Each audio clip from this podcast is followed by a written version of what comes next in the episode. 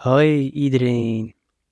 Deze week hoop ik dat jullie in goede gezondheid verkeren en vooral niet in paniek.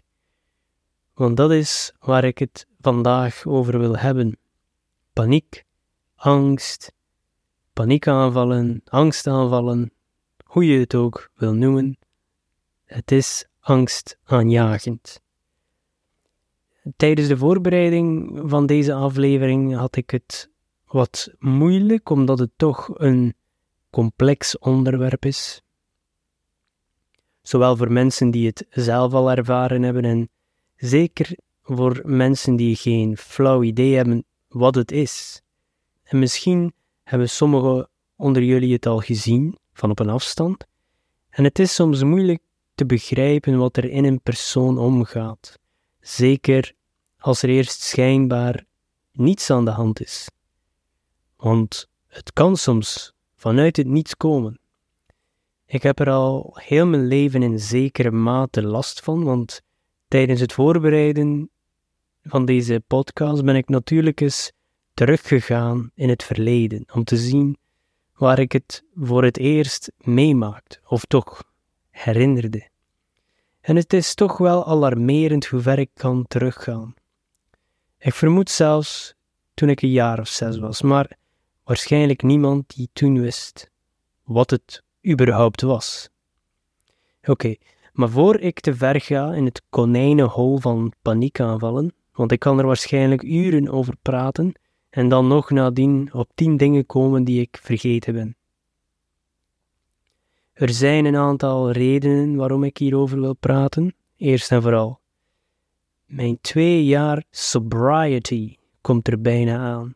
Twee jaar nuchter. Ik kan het bijna niet geloven dat het al twee jaar is. Iets wat ik nooit had kunnen denken.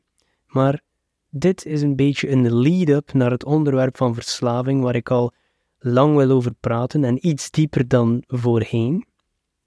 Ik denk dat mijn angsten en paniekaanvallen ook een groot deel hebben meegespeeld hierin. De zoektocht naar een soort van medicatie. Uiteraard, dit is niet de goede manier, kinderen, om dit aan te pakken. Daar luisteren geen kinderen mee, maar deze waarschuwing telt zeker ook voor volwassenen. Als de reden voor het drinken of gebruiken van andere substanties is om uzelf te kalmeren, of om stress en problemen te vergeten, wel, dan kan het mogelijk een gevaar worden als je hier niet alert voor bent. Veel mensen hebben wel eens een drankje gedronken om een stressvolle week te vergeten of om de druk van de ketel te nemen, maar als het een gewoonte wordt en de frequentie hiervan vermeerdert, kan dit op lange termijn een sneeuwbaleffect vormen en voor je het weet staat er een volwassen verslaving aan uw deur. Een andere reden is dat mensen informeren en misschien mensen die er zelfs last van hebben van paniekaanvallen, mee te helpen. Je bent niet alleen en ik heb wel een aantal technieken verzameld om ermee om te gaan. Maar ook een disclaimer: ik ben geen dokter en als je hulp nodig hebt, dan raad ik sowieso aan om een medische professional te raadplegen. Dit is louter ter informatie en mijn ervaring met paniekaanvallen en mijn mogelijke oplossing. Spoiler: cannabis en alcohol zijn geen effectieve hulpmiddelen ertegen. Het is te zeggen, in het begin kan het helpen, maar op lange termijn is het zeker schadelijk. Eerst een kleine beschrijving van paniekaanval, hoe het voelt, want sommige mensen die hebben flauw benul van wat er precies gebeurt. Of hoe het moet voelen voor de persoon die het ervaart. Zoals ik zei, het kan vanuit niets komen. Stel je voor dat je op een mooie zonnige dag rustig aan het wandelen bent en plotseling voel je de grond onder je voeten wegglijden. Het voelt alsof dat je in een diepe, donkere put valt. Je hart begint te racen, alsof het uit je borst wil springen. Je kan een koud zweet over je hele lichaam krijgen en je handen beginnen te trillen en je zit ook in een soort van tunnelvisie. En dat is iets waarover ik meer wetenschappelijke kennis heb verzameld de afgelopen jaren. En ik zal jullie ook een techniek meedelen die je kan proberen, moest je dit gevoel ervaren, om de geest te kalmeren. Je kan het zelfs gebruiken als je geen paniekaanval hebt, maar gewoon wat rusteloos bent. Maar als je erin zit, je probeert uit alle macht je evenwicht te herstellen, maar het lijkt onmogelijk. Het is bijna alsof dat je zweeft, gescheiden van je eigen lichaam en alles om je heen voelt vreemd en, en onwerkelijk. Het is alsof dat je in een nachtmerrie bent beland waaruit je niet kunt ontwaken. Je probeert adem te halen, maar het is alsof dat er een zwaar gewicht op je borst drukt en je kunt niet genoeg lucht krijgen. De wereld om je heen draait, je voelt je misselijk. Het enige wat je kunt denken is: ik ga sterven. En dan na een tijd, het lijkt een eeuwigheid te duren, begin je langzaam dan weer de controle over je lichaam te krijgen. Je ademhaling wordt minder oppervlakkig, je hartslag vertraagt weer en het zweet op je voorhoofd begint te drogen, angst vermindert.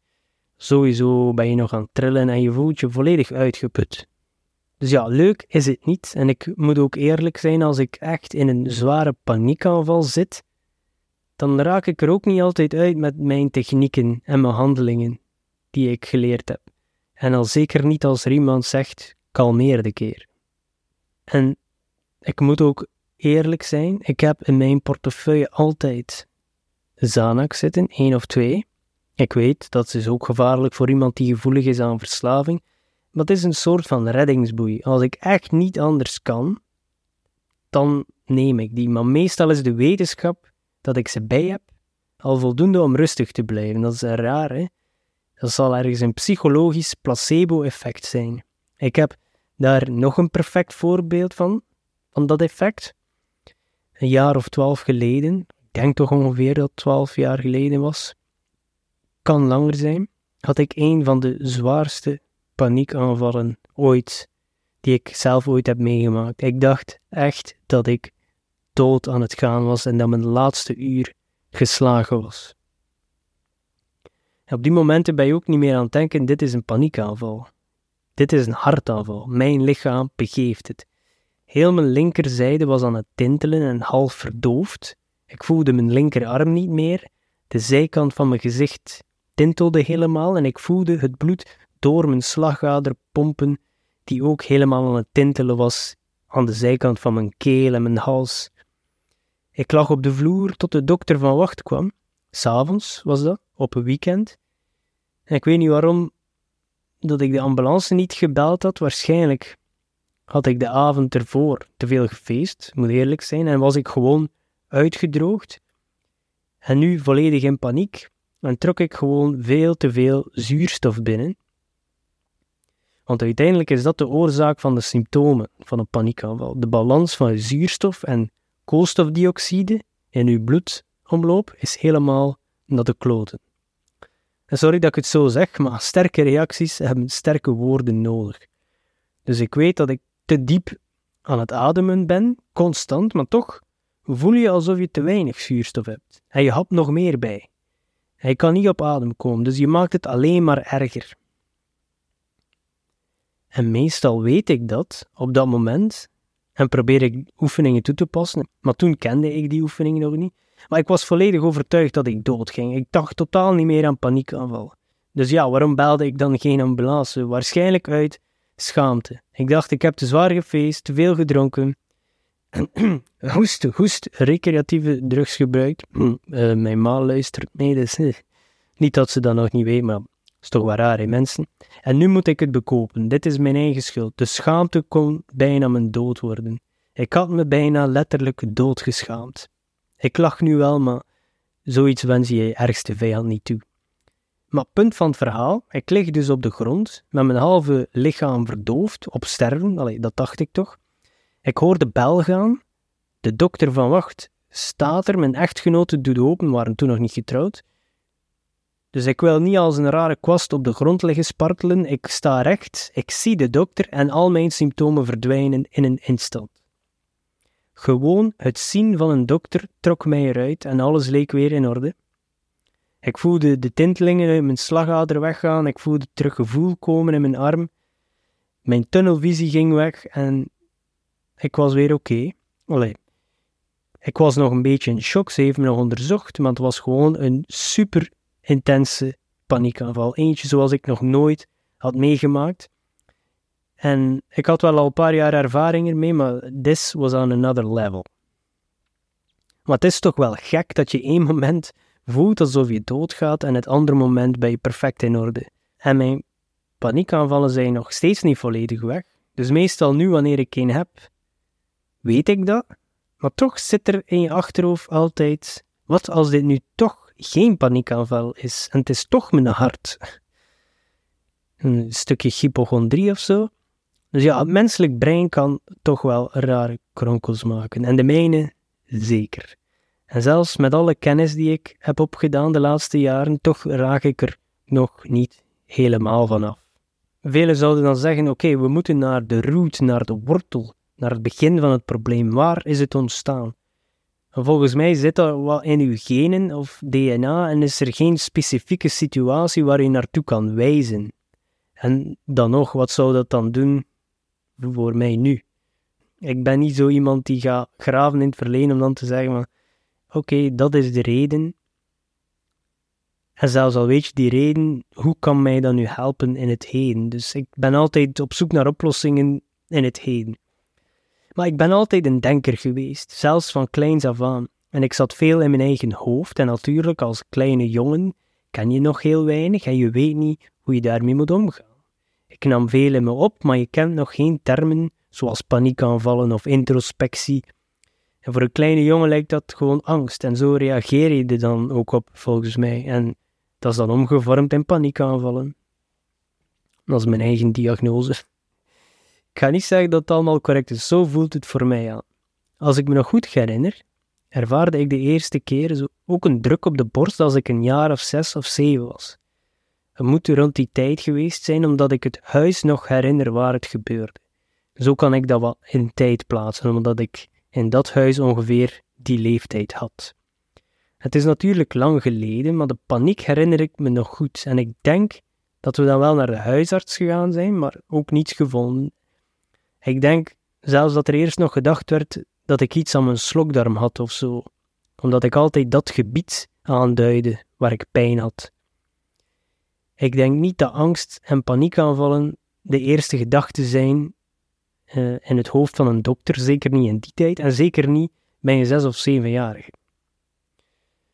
En dat is ook een van de redenen waarom ik ontwaakt mijn boek aan mijn zesjarige zelf heb opgedragen. Er staat in, aan mijn zesjarige zelf, niet alles komt goed, maar dat is oké. Dat is een boodschap die ik nu zou geven aan die kleine jongen. Dat is nu eenmaal het leven, wil ik daarmee zeggen. Het zal gevuld zijn met tegenslagen, maar ook met momenten van intens geluk. En het is onmogelijk om enkel geluk te hebben of enkel ongeluk. Ook al lijkt het soms zo, dat is heel vaak omdat we ons dan enkel concentreren op wat er misgaat en zo alles nog uitvergroten. Het leven is niet eerlijk, maar mogen we dat verwachten? Zeker als ieders definitie van eerlijk anders is. Dus dat is een ideaal die we in ons hoofd hebben, en uiteraard zal de realiteit daar nooit aan voldoen. En zo kun je nooit gelukkig worden. En zelfs gelukkig, ik vind dat een verkeerd woord. Tevreden is misschien een beter woord. Geluk en gelukkig zijn vind ik soms beladen termen. Want geluk, dat zijn vluchtige momenten waarvan je moet genieten. Je moet ze erkennen, maar je kan ze nooit vasthouden. Je moet dat in je opnemen, maar weten dat het voorbij gaat. En dat is hetzelfde voor de ongelukkige momenten. Alles gaat voorbij, niets is voor altijd. Dus ja, heel mijn leven draag ik al angst en paniek mee, maar ik draag ook al heel mijn leven nieuwsgierigheid mee, zelfvertrouwen, vastberadenheid. En uiteraard zijn er ook momenten waar dat wankelt, maar uiteindelijk overwinnen ze. Onzekerheid komt dan piepen en ik vraag me af, waar ben je overal mee bezig? Paniek komt direct mee, niet ver achter, twijfel. Maar gelukkig laat ik me dat tegenwoordig niet heel lang beheersen. En kan ik weer verder met alles wat ik doe. Maar immuun worden we waarschijnlijk nooit tegen die gevoelens. Het maakt ons mens. Maar het inhouden en nooit over praten, dat kan gevaarlijk zijn. Zeker voor mij, heb ik de indruk. Uiteraard moet je niet altijd alles overal gaan verkondigen. Ik deel veel, maar dat is niet iedereen gegeven. Maar toch wil ik mensen bewust maken van het feit dat het oké is om erover te praten met iemand, met een vriend, een geliefde, familielid, professional. Hou er rekening mee met het feit dat geliefden vaak wel willen luisteren, maar ook niet altijd weten wat ze moeten doen. Ze zijn er niet voor opgeleid. Soms willen ze ja knikken en met u meevoelen, maar dat kan misschien schadelijk zijn. Soms willen ze u harde liefde geven en zeggen: sta op met rechte rug, hoofd naar boven en ga ervoor, maar dat kan ook schadelijk zijn. Dat hangt af per individu, ieder situatie is anders. Maar back on topic, geen paniek. In mijn tienerjaren ontdekte ik dan ook cannabis, marihuana, voor de meesten gekend als weed. Uiteraard is dat illegaal, dus ik raad niemand aan om dit te doen. Maar ik moet toegeven, in het begin was het een aangename ervaring. Veel plezier met vrienden, dat ook. Maar ook een rustgevend effect en de angst en paniek waarmee ik al leefde sinds kleine jongen leek te verdwijnen. Dus het leek een wondermiddel, waar je rustig van werd. En dat heeft misschien een aantal jaar geduurd, maar na een tijdje begon dat ook te keren tegen mij. Opeens kreeg ik door het roken van cannabis paniekaanvallen, en veel erger dan ervoor. Dus ik denk, als je al gevoelig bent aan angst en paniek, dan is het misschien niet aangeraden om marihuana te roken. Roken in het algemeen is gewoon niet goed. Zelfs al werkt het voor sommige mensen wel. Ik vertel enkel mijn ervaring. En ik vond dat in die tijd ook spijtig. Dat ik dan ermee moest stoppen, want dat schept een soort band met uw vrienden en ik moest dan stoppen. Eigenlijk was dat toen al een voorteken van de echte strijd die tien jaar later nog moest komen met alcohol. Nu je die reis terugdoet in de geschiedenis, zie je alle soorten rode vlaggen langs de weg. Deels was hij ervan bewust, maar ook vaak onbewust, omdat allemaal dingen zijn die jongeren veel doen, en de meesten hebben daar geen problemen mee. En voor sommigen van ons kan dat manifesteren in veel ergere problemen. En het heeft dan ook een paar keer moeten gebeuren tegen dat ik het echt door had. Oké, nu moet ik ermee stoppen. Eh, dat gebeurt veel bij mij en veel mensen zijn zo. Ze moeten een paar keer met hun hoofd tegen de muur lopen voor ze begrijpen. Ik hoop dat ik daar nu al beter in ben. Uh, maar vroeger zeker niet, want eerst legde ik die link ook totaal niet tussen dat roken en die paniekaanvallen. Ik heb toen nadien wel eens ook een nachtje spoed gedaan en ik denk zelfs dat mijn moeder was meegegaan, want ik kwam thuis en ik zei dat ik me niet goed voelde. En het was een druk op mijn borstkas en ook alsof dat er iemand aan de binnenkant van mijn navel zat te trekken. Het was net alsof dat er daar een klein wezen was in de binnenkant van je buik die gewoon een haak in je navel had geslaan en gewoon keihard aan het trekken. Was heel raar gevoel die je moeilijk kan beschrijven. Zelfs als schrijver lukt dat niet. Taal is soms niet genoeg om de menselijke ervaring te beschrijven. En daar hebben ze dan bloed genomen en ook zeiden ze weer paniekaanval. En ik denk niet dat ik toen durfde vertellen dat ik eh, een paar uur voordien marihuana had gerookt, maar waarschijnlijk had iedereen het wel door. Maar gelukkig ben ik daar dan mee gestopt en heb ik eigenlijk nooit meer echt gedaan. Over de jaren hier en daar, eh, als je nog een keer een feestje gedaan hebt met vrienden, dan neem je een keer een trekje of zo, maar zonder effect. Uh, hopelijk luistert uh, de arm der wet hier niet naar de podcast, want ehm, meteen staat de FBI hier aan mijn deur. Ja, sorry meneer de officier, maar de mens speelt al duizenden jaren met geestverruimende middelen, voor er nog wetten bestonden. Dat zit in onze natuur. Het is heel gek dat ze zo zwaardere medicatie en pillen dan wel weer promoten, die in een laboratorium gemaakt zijn. Dan spreek ik nog niet van de alcoholreclames. En don't get it twisted, people. Alcohol is een harddrug. Van alles waarmee ik geëxperimenteerd heb, is alcohol nog altijd de zwaarste van allemaal. En daar zal ik wel nog meer over vertellen in een toekomstige aflevering, maar uiteraard, dosissen hebben er veel mee te maken. Eén glaasje is ook al schadelijk, maar natuurlijk valt dat allemaal nog mee. Maar als je het objectief probeert te bekijken, en ik weet als Westerling en zeker als Belg waar bier heilig is, is dit moeilijk. Maar als je het objectief bekijkt, alcohol, of ethanol is ook wel de naam voor alcohol, is eigenlijk vergif voor het lichaam en dat promoten we, ook aan jongeren. En geloof me, ik heb het lang verdedigd en iedereen mag doen wat hij of zij of wil als ze volwassen zijn en niemand anders pijn doen. Daar ben ik nog steeds een grote voorstander van. En niet alleen met alcohol, ook andere middelen, andere drugs. Als iemand dat vrijwillig wil ingesteren, wil innemen, wie ben ik dan om te zeggen nee, je mag niet, of de wet, you know. Dat is een discussie, dat, dat, dat kan al controversieel zijn. But feel free to disagree. Ik sta ook open voor andere meningen. Maar je ziet, als het over alcohol gaat, dan kan ik daar dagen over doorgaan. Ik heb er een ganse trilogie rond geschreven.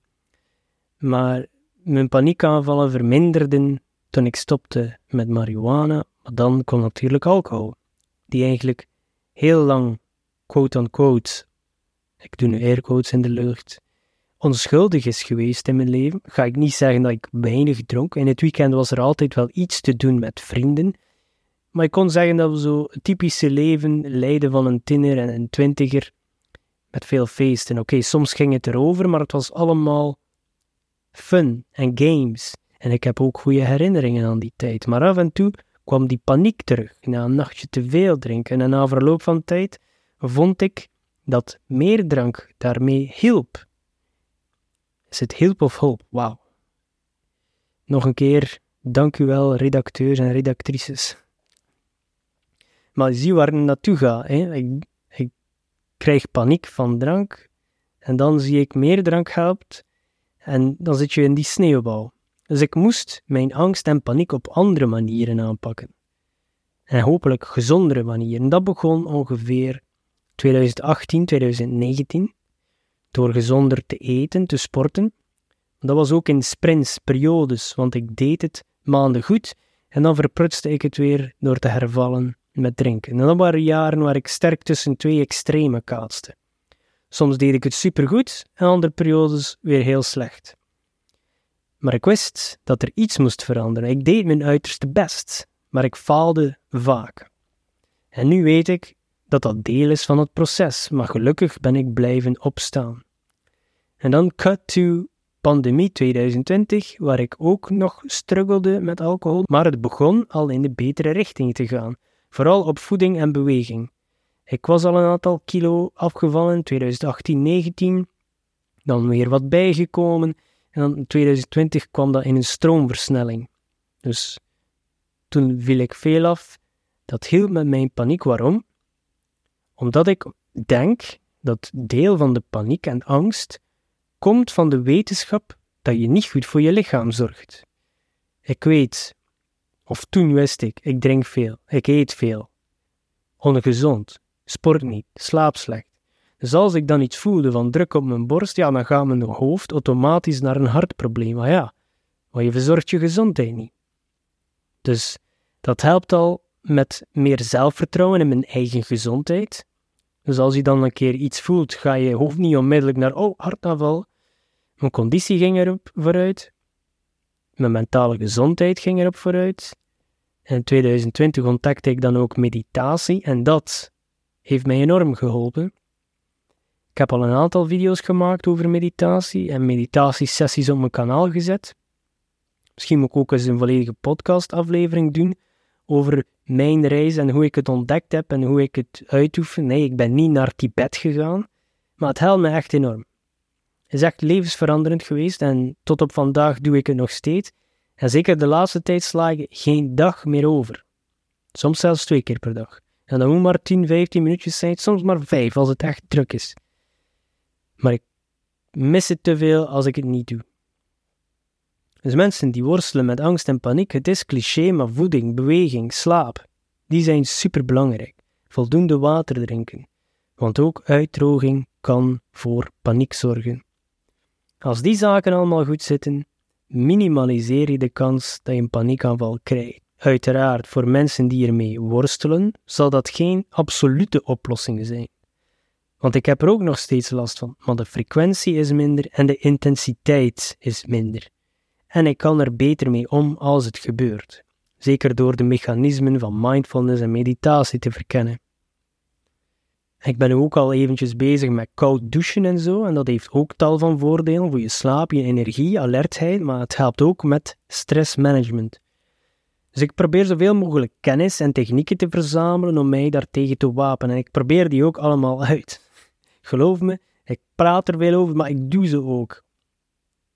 Uh, sommige werken beter voor mij, sommige niet. Uh, het boek Breath, The New Science of a Lost Art van James Nestor kan ik ook aanraden. Het gaat over ademen, ademhaling en de geschiedenis en de wetenschap van ademhaling en hoeveel van ons het eigenlijk verkeerd doen. Zeker een aanrader. En uit de podcast van uh, professor Andrew Huberman heb ik de physiological sigh ontdekt. Vertaald denk ik is dat de fysiologische zucht. En wat is dat eigenlijk? Dat is tweemaal inademen en dan eenmaal sterk uitademen. Bijvoorbeeld één diepe ademhaling door de neus. En wanneer dat je denkt dat je genoeg lucht hebt, nog één extra snuif doen en dan zwaar uitademen door de mond. Zo. Je zou denken, twee keer inademen, dat heeft toch net een slecht effect. Hè? Wat je zei daarnet, te veel ademen zorgt voor paniekaanvallen. Maar de wetenschap erachter is dat de longzakjes, hè, dus uw longen bestaan uit allemaal kleine zakjes. Ik weet, dat is een beetje creepy om over te praten. Maar eigenlijk, door die tweede ademhaling worden ze nog beter opgeblazen. En daardoor kun je tijdens het uitademen beter CO2 uit je bloedbaan krijgen. Dus eigenlijk, uw uitademing wordt effectiever. En als je dat een aantal keer herhaalt, kan je heel snel wat rustiger worden. Dubbel inademen, één keer goed uitademen. Zeker iets wat je kan proberen. Dus dat helpt ook bijvoorbeeld als je pijn hebt in je zij na een hevige inspanning, bijvoorbeeld bij het lopen. Eh, ik heb dat lang niet meer gehad, maar ik herinner me dan nog vroeger van in de turnles veel te gaan lopen. Al pijn in je zij en kende toen die techniek nog niet, maar die fysiologische zucht Twee keer inademen, één keer sterk uitademen. Dat kan daarbij helpen om die pijn snel te doen verminderen. Iets anders wat je kan proberen als je in paniek bent of je bent onrustig, is naar de horizon kijken. Of je zicht zo wijd mogelijk werpen. Dat je heel je perifere zicht observeert. Ik sprak in het begin dat het wel lijkt alsof je een tunnelvisie hebt, hè, wanneer je een paniekaanval hebt. En eigenlijk, wat blijkt uit de wetenschap, dat weet ik nu nog maar pas, dat het ook zo is. Had ik dat maar eerder geweten. En dat uw zicht tijdens een paniekaanval meer gefocust wordt. En je hebt eigenlijk geen zicht meer van wat er op zij gebeurt. Dat komt mogelijk uit de oertijd, omdat je dan alert moest zijn voor roofdieren. Dus als je je zicht veel wijder weer maakt, stuurt dat een signaal naar uw centraal zenuwstelsel en naar uw brein dat het tijd is om te kalmeren. Het geeft een rustgevend effect. Dus het is niet met je hersenen of met je mind controleren je lichaam, maar het is eigenlijk omgekeerd. Met je lichaam kan je je geest controleren. Zeker eens proberen op momenten dat je gestrest bent. Bij mij helpt het alvast. Natuurlijk, als je heel diep in een paniekaanval zit, dan wordt het moeilijk. Maar als je het voelt opkomen, als je voelt dat je onrustig bent, probeer de fysiologische zucht en probeer je zicht zo wijd mogelijk te houden. En zeker als je binnen bent, is het soms goed om naar buiten te kijken of om naar buiten te gaan en zo ver mogelijk proberen te kijken naar de horizon. En je zicht zo wijd mogelijk. Het zijn allemaal dingen die mij helpen om om te gaan met angst en paniekaanvallen. Het is toch al een gezondere manier dan voorheen. Drinken hielp in het begin, want de paniek bouwde in de achtergrond op en kwam dan dubbel en dik terug op een moment dat je stopt en dat is het niet waard. Ik heb wel heel veel empathie voor mensen die in dezelfde valkuil als ik zijn gevallen. Omdat je op dat moment alles zou doen om van je paniek af te raken. En als je dan opeens een middel vindt die iedereen sociaal acceptabel vindt, die ook nog eens helpt om u te doen relaxen. En dan denk je, dat je een mirakel hebt ontdekt. Maar het tegendeel is waar. Daar wil ik volgende week wat meer over praten. Ik moet die podcast nog voorbereiden, dus ik weet niet goed waarmee ik er naartoe wil. We zien wel. Niet panikeren. Ik spreek jullie volgende week. Wees niet te streng voor jezelf. Ciao.